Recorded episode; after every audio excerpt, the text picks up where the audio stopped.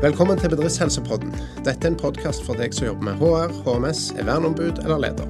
Jeg heter Pål Lillebø og er styreleder i Bedriftshelsetjenestenes bransjeforening. Har du spørsmål eller tema du ønsker vi skal ta opp, send en e-post til podcast.bhtb.no. Dagens tema er medarbeidersamtaler og medarbeiderundersøkelser. og Med meg har Rune Semundset, som leder Businessmastering og har skrevet flere bøker om så vel medarbeidersamtaler som kulturkartlegginger i virksomheter. Velkommen, Rune. Tusen takk, Pål. Så fortell meg, Rune, hvorfor er medarbeidersamtaler så viktig, og hvorfor er det så vanskelig? Hmm. Det er et godt spørsmål. Eh, hvor mange timer har jeg?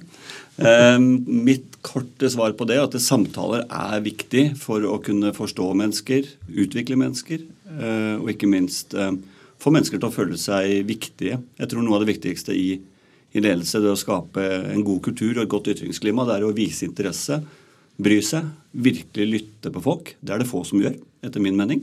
De fleste lytter for å snakke, og det er få som lytter for å forstå. Og da tenker jeg dette med å stille relevante spørsmål og oppfølgende gode spørsmål og virkelig ta inn over seg hva vi hører, det er noe av det viktigste vi kan gjøre for å skape gode relasjoner i en virksomhet. Og Der kommer jo medarbeidersamtalen inn som en av flere typer samtaler. Ok, Fortell litt om det. Flere typer samtaler, sier du. Ja, Vi har jo både vi har kaffesamtaler, slik som vi hadde for fem minutter siden, eh, som er type adhoc. Og så har vi strategiske samtaler. Det kan være karrieresamtaler. Det eh, kan være onboarding-samtaler eh, og medarbeidersamtaler. Og så har vi en større mengde med operative samtaler, som ofte er ukentlig, månedlig eller kvartalsvis. Eh, til de av dere som hører dette som er ledere, start året med å spørre hvor mange samtaler ønsker du med meg, i tillegg til medarbeidersamtalen. For Da får vi en forutsigbar samtalestruktur som gjør at folk føler på trygghet og rettferdighet. Ja, Og, og medarbeidersamtale, da er vi fortsatt på den der én gang i året, sånn cirka. Selve medarbeidersamtalen. Ja, det er jo mange som kjører sånn pliktløp én gang i året, eh, og, og, bare det. Eh, det er også de som kjører medarbeidersamtaler eh, ukentlig, sier de. Men det er per, per definisjon feil. Uh, medarbeidersamtale er en, en, strategisk samtale som gjennomføres årlig eller halvårlig. Akkurat. Vi i bransjeforeningen er opptatt av bedriftshelsetjeneste. Hva tenker du at bedriftshelsetjenesten sitt bidrag i forhold til medarbeidersamtaler, har vi noen rolle i det, tenker du? Jeg tenker Det er et retorisk spørsmål. Og så tenker jeg trenger vi egentlig retoriske spørsmål? Det var et forsøk på humor. Um, svaret på det er at uh, helsetjenester er jo opptatt av folks ve og vel, og opptatt av å holde folk i jobb og holde folk motiverte. Og, og, slik at de bidrar til et godt samfunn ved å være friske og tilby noe som er verdiøkende. Så, så svaret er definitivt ja. Og jeg tror at jeg i, i årene framover kommer til å samarbeide mer med bedriftshelsetjenester, nettopp fordi eh, vi er opptatt av nærvær eh, og redusere fravær. Mm, mm. Hva med det er liksom litt kontroversielt eller litt vanskelig. Bård Kuve sier at eh, Eller kom, fikk et sånt stort medieoppslag for at medarbeidersamtalen var død. Mm. Hva, hva, er det som gjør at det er vanskelig? Hva er det som gjør at det er litt sånn eh, Trenger vi det, osv.? Hva, hva, hva er det for noe? Ja, vi trenger jo gode samtaler. Og så tenker jeg at Bård Kuvås eh, kanskje var et litt sånn tabloid øyeblikk da han sa at medarbeidersamtalen er død, eller i hvert fall ikke fungerer. For det blir jo for, eh, for enkelt. Eh, det finnes gode medarbeidersamtaler, det finnes middels medarbeidersamtaler, og så er de fleste medarbeidersamtalene, eh, eh, og der er jeg enig i Kuvås, helt meningsløse. Hvis du får utdelt et skjema fra en eller annen, og så skal du gjennomføre de samme spørsmålene helt uavhengig av hvem vi snakker med, så er vi kraftig på bærtur. Så, så forskningen viser jo det til Kuvås også, at vi trenger både skreddersydde agendaer og god oppfølging. Så hans tolkning av sine egne forskningsresultater det får han stå for. Men det blir å si at medarbeidersamtalen er død, det blir omtrent like rart som å si at eh, du ser en åttendedivisjonskamp i fotball, og så konkluderer du med at fotball ikke er noe særlig. ja. mm. men, men, hvis du skal si noe om den gode samtalen, hva, hva må den inneholde? Hvordan må den være? Ja, Da ville jeg nesten kjørt en Sokrates, for dette vet jo du en del om også, Pål. Altså, hva tenker du selv om dette, ville Sokrates uh, svart. Um, ja, hva tenker du om det? Jeg, jeg, må si at, det, at, noe av utfordringen som jeg sjøl ser som leder òg i forhold til medarbeidersamtaler, handler jo både om å sette av tid, eh, gjøre det ordentlig, eh, gjøre det når vi sier vi skal gjøre det, og ikke minst følge opp det vi blir enige om at vi skal gjøre i den samtalen. Mm. Etter den samtalen. Mm. Og der syndes det litt, gjør det ikke det? Jo, det tror jeg det gjør mange plasser. Mm. Vi ser da hos mange kunder at medarbeidersamtaler er blitt et sånn pliktløp, noe vi må gjøre. Mm. Og eh, ekstremvarianten var en kunde som sa at de hadde begynt å kjøre medarbeidersamtaler med ti og ti. Mm. Fordi at eh, en leder hadde ansvar for nesten 100 ansatte. Mm. Og da kunne man liksom ikke ha tid til alle de hver for seg. Det sa seg sjøl. Ja. det sier jo litt om Ja, det er, det er forhåpentligvis ikke vanlig, da, men jeg husker også Henrik Elvestad lagde en, en sketsj på det. Det er to og to som var relativt like. De, de kjørte hans medarbeidersamtale med samtidig for å spare tid. da. Ja. Jeg har hørt om eh, selskaper som holder til der du er fra. Jeg vil tro at du er fra Rogaland. og eh, det er en antakelse som jeg har fått bekreftet med et nikk. Mm. Eh, og Eh, det var et oljebasert selskap som fikk tips fra noen McKinsey-konsulenter at de burde gå fra 90 minutters til 30 minutters samtaler. Fordi da sparte de x antall timer, og, det ville lønne seg på bunnlinja. Og det er faktisk sant. Eh, og det er veldig trist å tenke på. Eh, det er jo fint at McKinsey nå har gått fra, fra ti av ti ledere som er menn, til å faktisk også ha en kvinne i ledergruppa. Det var kanskje på tide, i all den tid de, de, de er opptatt av mangfold. Men tilbake til saken. Jeg tror det er veldig viktig å sette av god tid til gode samtaler. Eh, og at leder og medarbeider forbereder seg godt på hva er de aller viktigste temaene. For når mennesker føler at det, La oss si du som leder da, i, i Medco eh, setter av tid til å lage to spørsmål til den enkelte som ikke står i noe som helst skjema, men som du eh, henter fra din eh, forståelse for mennesket, og som er skreddersydde, da tror jeg du får godt betalt for akkurat det. Å lage tilpassede spørsmål til, til mennesket. Men du har jo skrevet flere bøker om dette. Medarbeiderkoden og medarbeidersamtalen 2.0 osv. Mm. Hva hva er liksom ditt eh, råd? Hva må til for å få til den gode samtalen? Hvis vi er enige om sånn noenlunde hva, eh, hva skal vi gjøre, hva, hvordan gjør man det rent i praksis? Ja, Det er et godt spørsmål, og det toucher også litt det du spurte om i stad. Altså, hva kjennetegner på en måte gode samtaler, og hvordan kan dette bli verdifullt? Og, og jeg tenker at det brukes for lite tid på å snakke om indre motivasjon. F.eks.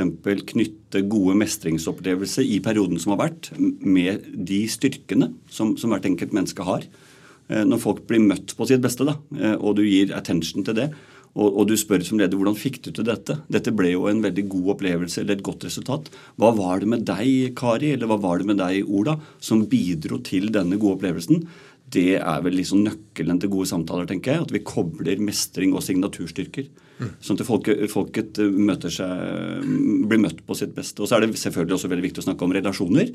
Og så er det veldig viktig å snakke om hva slags kompetanse man ønsker og har lyst til å utvikle. Mm. Mm. Så bra. Er det helsemessige temaer du tenker, tenker, man kan ta opp i en medarbeidersamtale? Jeg syns vi skal koble det inn Eh, i enkelte hva skal vi si, menyer som, som, vi har vært med på å utvikle. Så har vi hatt eh, egne bolker for HMS og, og informasjonsflyt som sikrer og bidrar til et godt ytringsklima der folk faktisk tør å komme med det de er bekymret for, eller det de er opptatt av. Da. Så ja, dette med HMS, informasjonsflyt og ytringsklima, arbeidsmiljø, det henger veldig, veldig sammen. Mm, mm, absolutt.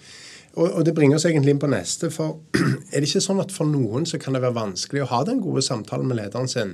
Mm. Eh, hvis det er en konflikt der, eller man ikke er helt trygge på hverandre. Er det noen spørsmål som kan brukes som gjøre at, at man kan få til dette? Hva, hva anbefaler du der? Mm. Ja, det, det, kan gjøres ting i forkant. Det kan også gjøres ting i starten av samtalen.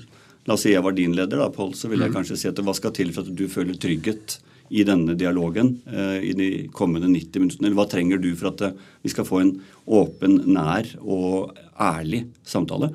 Og Da kan vi f.eks. anbefale konfidensialitet og, og spørre om medarbeiderne er trygge på at dette blir mellom oss. Mm. Før samtalen, som du snakket om i stad, eh, så, så, er det viktig at vi tar de vanskelige tingene i god tid før samtalen. For det viser også forskningen til Kuvos at hvis det er betente ting eller konflikter, så er det like greit å utsette medarbeidersamtalen til relasjonen er i, i vater igjen. Og den forskningen skal vi lytte på.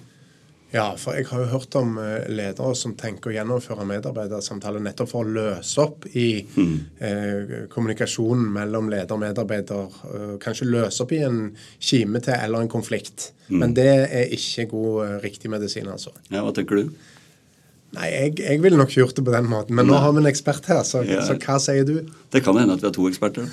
så jeg, jeg, tenker at det er veldig viktig at vi løser opp i disse konfliktene. Og så er det, det er et sånt veldig fint sitat som sier i enhver knute så finnes et bånd. Eh, det går alltid an å finne tilbake til det som, som faktisk ble en, en, en, en, friksjon som kanskje gikk over til en konflikt. Så det går alltid an å nøste opp igjen og, og skape det gode båndet mellom eh, mennesker. Og, og, Da er det viktig at man lærer litt om konfliktteorier og konfliktmetoder, slik at man løser dette i det daglige og i hvert fall ikke sparer det til medarbeidersamtalen. For medarbeidersamtalen skal det være foroverlent og fremtidsorientert, ikke gå tilbake igjen til gammel guffe. Mm, mm. Og så var det denne oppfølgingen etterpå. Vi har en god samtale, du er min leder, og vi blir enige om noen sånne ting. Mm. Hvordan skal vi sørge for at det skjer? Hva, hva, gjør man for å få det til? For å få til hva da? Ja, For å få til disse endringene, eller få uh, Hva nå er vi blir enige om at, at vi skal Alt ifra på en måte kompetanseutvikling og motivasjon til hva det måtte mm. være, tenker jeg, som vi kan bli enige om i den samtalen. Mm. Hvordan sørger vi for at det faktisk skjer, at ikke vi ikke tar det fram igjen om et år, mm. og så da så det sånn ut, og ja, vi har ikke kommet så mye lenger, for det har jo vært så travelt, og det er jo en bra ting. Mm. Altså det jeg har selv hatt en leder som brukte en sånn type tilnærming. Mm. Det var ikke skjedd noen ting på det året. Mm. Og da var det litt sånn Men det har jo vært så travelt, og det er jo egentlig bra. Mm. Ja. Ja, Det blir en litt klein start på neste samtale at vi ser på hva vi ikke gjorde uh, i ja. forrige samtale, eller hva som vi ikke har fått til i mellomtiden. Det er klart, um, det, det, det, svaret her skjer jo også i flere etapper. En, vi må sørge for at man har en god meny med gode spørsmål. Ikke et skjema som man følger blindt, men en meny med gode spørsmål som leder og medarbeider kan plukke fra. Det er litt viktig. Og at medarbeideren også er i førersetet med tanke på hvilke spørsmål som er viktig. For dette er jo medarbeidersamtalen, ikke ledersamtalen. Mm, mm. Og for det andre er det nok viktig at ledere lærer seg å være coachende, nysgjerrige, eh, stille åpne spørsmål og faktisk lytte. Jeg hevder at eh, tre av fire nordmenn lytter i liten grad. Jeg vet også at tre av fire nordmenn føler at de lytter bedre enn gjennomsnittet. Det er litt sånn som med bilkjøring. ikke sant? Tre av fire de tror de faktisk er bedre enn snittet til å kjøre bil. Det regnestykket det går ikke opp. Eh, og da tenker jeg det å tillate eh, ro og trygghet i samtalen, hvilket jeg føler at vi gjør nå, sånn at det blir plass til oss begge, er vesentlig fra begge bidragsytere, både leder og medarbeider. Og så går det på det å løfte mennesket fra et, en nå-situasjon til en ønskesituasjon. Mm. Som igjen eh, bidrar til noen endringer i forhold til f.eks. For kompetanse eller relasjonelle aspekter. Og Et spørsmål jeg ofte stiller til, til mine folk, det er jo du, Hvis 2023 skulle bli ditt aller beste jobbår, Pål, hva er annerledes da? Ikke sant? Ikke sant? Så, litt sånn hva-hvis-spørsmål kan jo være viktige. Ja, og Er det ikke litt det medarbeidersamtalen skal handle om? Nettopp hvor er vi på vei? Ja. Og, og, litt sånn utvikling over tid. Mm. Hva, hva, skal skje? Ja, hva skal skje? Mm. Og så må vi også tørre å ta tak i eh, litt vanskeligheter eller, eller mønstre som er dysfunksjonelle. Ja. La oss si denne personen over tre år har hatt en tendens til å komme for sent. Nå kommer vi jo begge litt for tidlig til dette møtet. Vi ble enige om å møtes litt før tre, og det gjorde vi begge to. Og det er et godt utgangspunkt, for det handler om respekt for andres tid. Hvis eh, medarbeideren da ikke er presis, så vil jo medarbeideren sjelden velge et tema som går på punktlighet. Og da er det lederens ansvar å, å plukke det temaet som representerer et forbedringsområde. Ja. Så det er en annen måte å få til endringer på. Ta tak i det som er vanskelig ikke spare det vanskelige til samtalen, men være forberedt på å snakke om de mønstrene som er dysfunksjonelle. Samtidig som vi ser framover og ser på hva det vi er gode på som vi skal bli enda bedre på. Men, men, du tenker altså på at en medarbeidersamtale det er en slags dynamisk sak som blir til mellom to mennesker, til og med selve samtalen. Så det gamle skjemaet med ett fast oppsett, mm. disse spørsmålene skal vi gjennom, mm. det er over. Jeg håper at den samtalen er død. Det, det kaller vi medarbeidersamtalen 1.0. da. Så derav medarbeidersamtalen 2.0, altså? Ja, jeg skrev en bok som heter Medarbeidersamtalen 2.0 fordi jeg selv har blitt utsatt for ørkesløst kjedelig pliktløp av medarbeidersamtaler. Jeg vil hevde at medarbeidersamtalen er det tristeste ledelsesløpet etter andre verdenskrig, eh, og at det er veldig lett å gjøre noe med det, slik at vi snakker om hva som er viktig for individet. Og, og for å lykkes så tror jeg ledere og medarbeidere sammen må lage agendaen. Og så tror jeg vi begge parter, både ledere og medarbeidere, må gjøre sitt for at eh, vi er litt nysgjerrige på hverandre og legger til, legger til rette for at vi lykkes. Altså At det ikke bare blir eh, snakk om den enes agenda, men hvordan ledere og medarbeidere i fellesskap kan gjøre hverandre gode og gjøre hverandre godt. Mm. Vi i bedriftshelsetjenesten skal jo òg være med på å påse at eh, det er såkalt fullt ut forsvarlig arbeidsmiljø. Mm. Og da tenker jeg kanskje spesielt på det psykososiale. altså Det fysiske er én ting. Mm. Men er ikke dette et godt verktøy egentlig også til å ivareta det psykososiale arbeidsmiljøet? Jo, og det står vel også i arbeidsmiljøloven så vidt jeg vet, Absolutt. at man skal legge til rette for, for, for, for de sosiale arbeidsfaktorene og legge til rette for faglig og personlig utvikling. Så man har jo også et ansvar har man ikke det da, for å både kartlegge eh, disse faktorene, eh, men også legge til rette for at mennesket kan vokse og utvikle seg. Allerede tilbake til arbeidsmiljøloven, og der var vel Einar Thorsrud en, en gigant, var han ikke det? Absolutt, absolutt. Bra. Da har vi sagt litt om medarbeidersamtaler. Og litt da, eh, tema nummer to i dag, som går på medarbeiderundersøkelser. Det er jo et, et annet og et eh, kan være nokså krevende tema. Her er jo bedriftshelsetjenesten ofte veldig involvert. Det er ikke uvanlig at, eh, at vi hjelper kunder med å gjennomføre både selve kartleggingen, eh, gjerne via en eller annen leverandør, og ikke minst i resultatene. Hva gjør vi med de?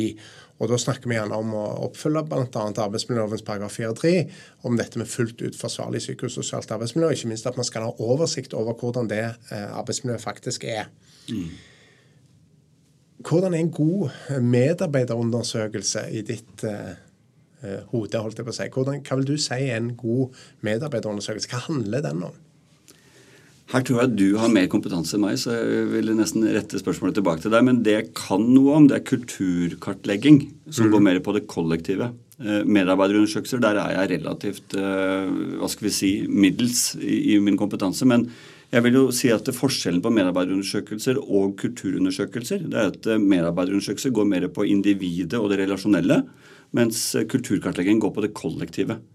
Eh, veldig viktig at det begge er nullpunktanalyser, type anonyme, slik at tør, folk tør å fortelle om slik som det er.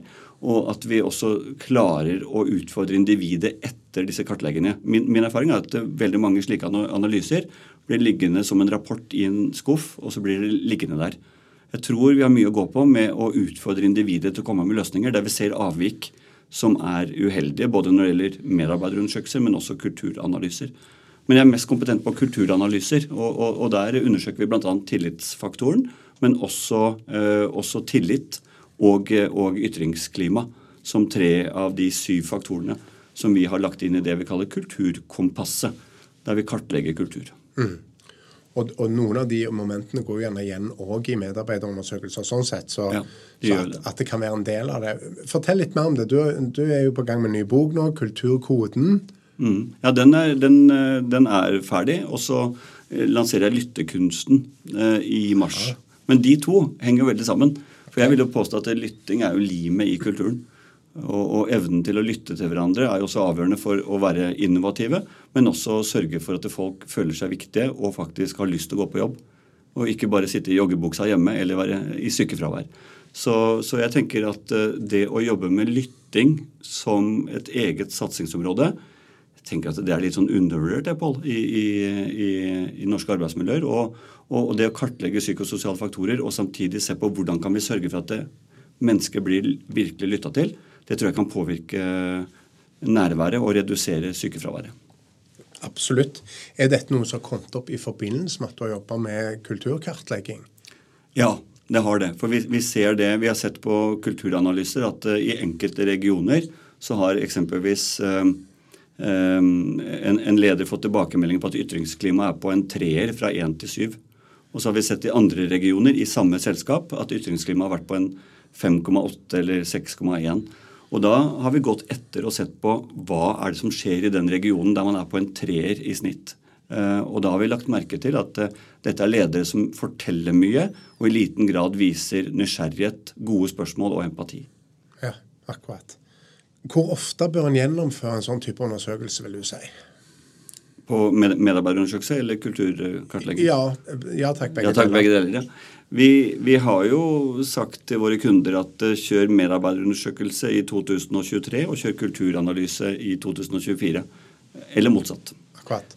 Annethvert år. Annethvert år, ja. Og bytte på mellom kulturkartlegging som går på det kollektive, og, og mer, de mer tradisjonelle medarbeiderundersøkelsene, som også er viktige. Ja. Særlig hvis det tas i bruk. Absolutt. Kan ikke du si litt mer om den kulturkartleggingen? Hva, hva konkret innebærer den? Jo, vi har altså sett på noen eh, amerikanske, nederlandske og tyske kulturkartleggingsverktøy eh, hos noen av våre kunder. Og så så vi at det, dette er jo i grunnen i liten grad tilpasset norske forhold.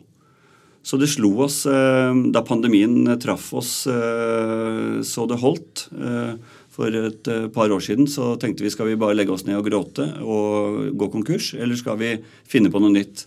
Og Da tenkte vi at det, nå er det på tide at vi lager en kulturanalyse på norsk. Og Da begynte vi å lage spørsmål knyttet til den norske ledelsesfilosofien, som går på ganske flat struktur og, og, og veldig lite Hva skal vi si um, veldig lite ovenfra-ned-holdninger, men mer ledere som kanskje driver med servant leadership og legger til rette for at mennesker skal ha det bra, så ser vi da at eh, det, vi så at det manglet et norsk opplegg med norske spørsmål tilknyttet det vi kan kalle medarbeiderskap. Eh, og så begynte vi å lage da, et batteri med 128 spørsmål, var vel eh, den første versjonen. Okay. Og så vil ofte kundene velge 60-70 av de 128 spørsmålene tilpasset deres, eh, deres hverdag. Da. Så første kunde ut var et begravelsesbyrå som heter Jølstad. Eh, og det var en god start. Eh, og, og, løsningen den lever videre, den. Eh, og så har vi vært inne i en del IT-selskaper. Og det de sier, det er at eh, ved å gå fra standardiserte kulturanalyser, eller cultural audit, til skreddersydde, da får du noe av den samme effekten som å skreddersy samtaler mellom ledere og medarbeidere. Altså Vi føler at et, et begravelsesbyrå trenger litt andre spørsmål enn f.eks. et IT-selskap eller et advokatbyrå. Det høres fornuftig ut. Er det noen måte du tenker bedriftshelsetjeneste, kan de ha noen rolle i en sånn type kulturkartlegging? Mm. Jeg tenker at eh, Når vi gjør kvalitative forundersøkelser og jobber med kvalitativ analyse, så trenger vi å snakke med både ledergrupper og bedriftshelsetjenester og de lederutviklerne som har vært inne i bildet i de siste årene. For de vet jo en god del om Eh, virksomhetens ve og vel. Eh, og hva som også kan være mønstre som skal endres. da. Og så må vi alltid huske at I organisasjonsutvikling og kulturutvikling så endrer det alltid opp med at ett menneske skal endre én vane. Det må vi aldri glemme. Eh, samtidig som vi ser på hva som har vært de mest dysfunksjonelle atferdstrekkene. Jeg vet at i et selskap i Oslo i går så var det en leder som rett og slett sa til medarbeideren sin at den telefonen der, den må jeg ta. Så hun gikk ut av medarbeidersamtalen eh, fordi hun sa til medarbeideren at den samtalen er viktigere. Ja. Det er eh, selvfølgelig skadelig for en relasjon. Og hvis vi har for mange ledere som prioriterer den telefonen som kommer inn, attpåtil i en medarbeidersamtale, da ber du egentlig om at folk har lyst til å jobbe et annet sted. Ja, for det var egentlig òg et, et, spørsmål litt som jeg tenkte på. Hva med de der rammefaktorene rundt medarbeidersamtalen? Kan du si noe om det til slutt? Hvordan, hvordan tenker du at, det, at, den skal gjennomføres, og, og, hva er liksom de absolutte no-no-ene, som kanskje et av de er akkurat det du nevner der? Mm. Um, ja, Kan du si litt om den praktiske gjennomføringen? Fysisk, praktisk. Kan vi gjøre det på Teams nå? Halve mm. Norges befolkning jobber halve uka på hjemmekontor omtrent. Hva ja, jeg så at uh, Ole Kristian Dapeland skrev en veldig viktig kronikk om, uh, om uh, folks evne til å sende e-post når de svarer på henvendelser. Og det, der er jeg helt enig i Mr. Dapeland. fordi jeg tror den, den, synkrone samtalen kan være veldig mye bedre enn asynkron kommunikasjon. Både i den type settinger, men også selvfølgelig i, i medarbeidersamtaler. Eh, jeg tenker at eh, en god ramme er jo å, å gå seg en tur innledningsvis. Og snakke om mestring, autonomi, tilhørighet og mening. Eh, så vi anbefaler ledere og medarbeidere å gå seg en tur en halvtimes tid og snakke om indre motivasjon. Og når de kommer tilbake fra den gåturen, så vil de oppleve at nå er det litt sånn eh, ja, god stemning eh, mellom ledere og medarbeidere. Og da vil også flyten i de resterende 10-11-12 spørsmålene går mye bedre, er vår erfaring, når vi har, og, når vi har startet medarbeidersamtalen med en, med en liten gåtur. Og Rammene i forkant må være at ledere, medarbeidere, tillitsvalgte og folk som har jobbet med HMS, er med på å lage den menyen sammen. Så ikke dette er et HR-ansvar, men at, at, det er delt ansvar mellom ledere, tillitsvalgte og, og, og, og, folk som er opptatt av arbeidsmiljø, slik at vi får alle perspektiver med når vi lager en meny med gode spørsmål. Så den gode forankringen det ligger i å forstå at dette er et lederansvar og ikke et HR-ansvar, egentlig. Så vi starter der. Og så må vi sette av nok tid. Og så må vi for guds skyld slå av telefonen, slik at uh, man ikke faller for fristelsen å ta telefonen mens man snakker med et annet menneske. Ja.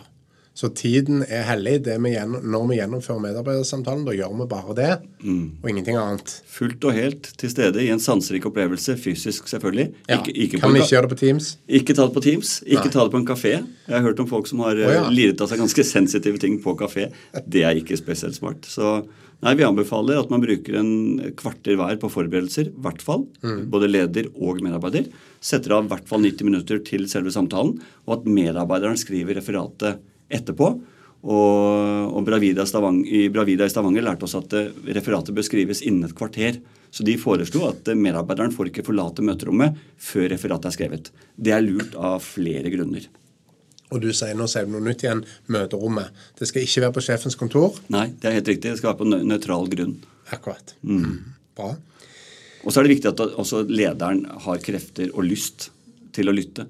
For jeg har vært borti ledere som skryter av at de har kjørt fire medarbeidersamtaler på én dag. Og da pleier jeg å si til den lederen det vil jeg holdt kjeft om. Ja. Så ikke, ikke, det skal være litt krevende. Det skal være en samtale der du som leder viser at du bryr deg. Og da er det veldig viktig at vi er både uthvilt og i, god form, og ikke har hatt to medarbeidersamtaler tidligere på dagen. Nei, Så maks én om dagen, tenker jeg. ja, du tenker at det er såpass krevende at det skal vi liksom ikke ha en sånn Jeg tar de fem i dag, jeg, så eh, Det skal være så slitent, eh, slitsomt at du skal liksom strekke ut både hjerte og hjerne etterpå og kjenne at åh, dette var en god samtale fordi vi begge forberedte oss, og fordi vi begge viste interesse for hverandre. Så bra.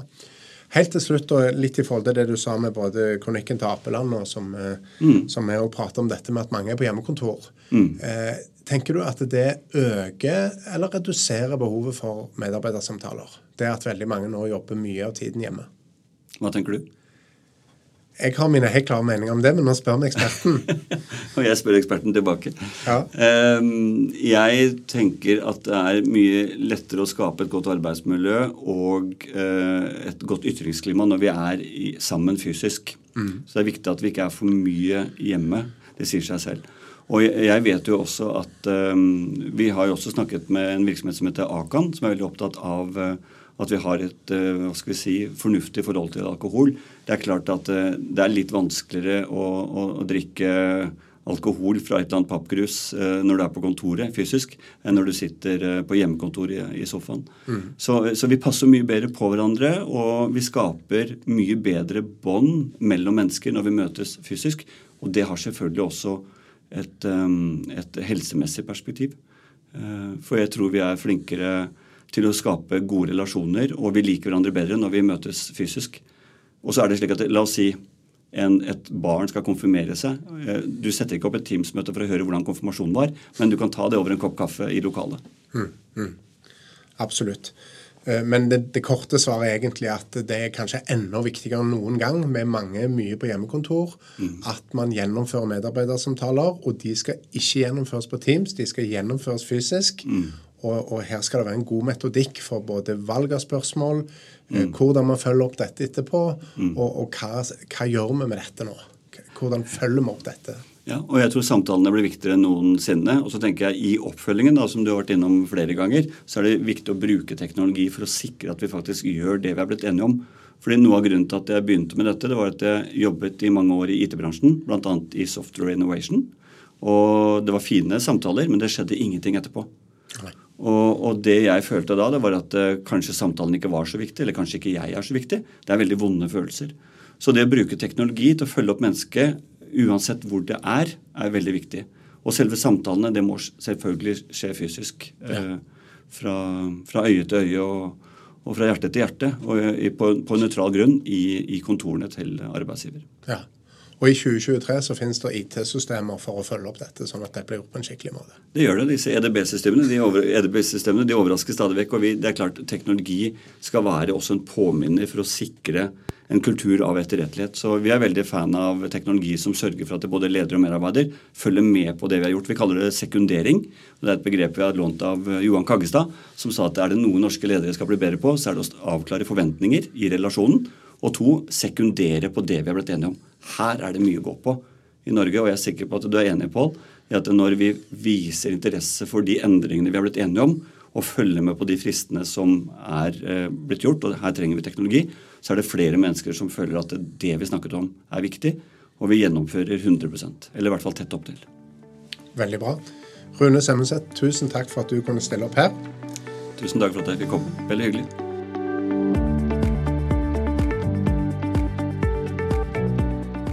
Du har hørt Bedriftshelsepodden med Pål Lillebø. Dette var det vi hadde for i dag. Har du spørsmål du ønsker svar på, eller tema du ønsker vi skal ta opp, send en e-post til podcast at bhtb.no. Takk for i dag.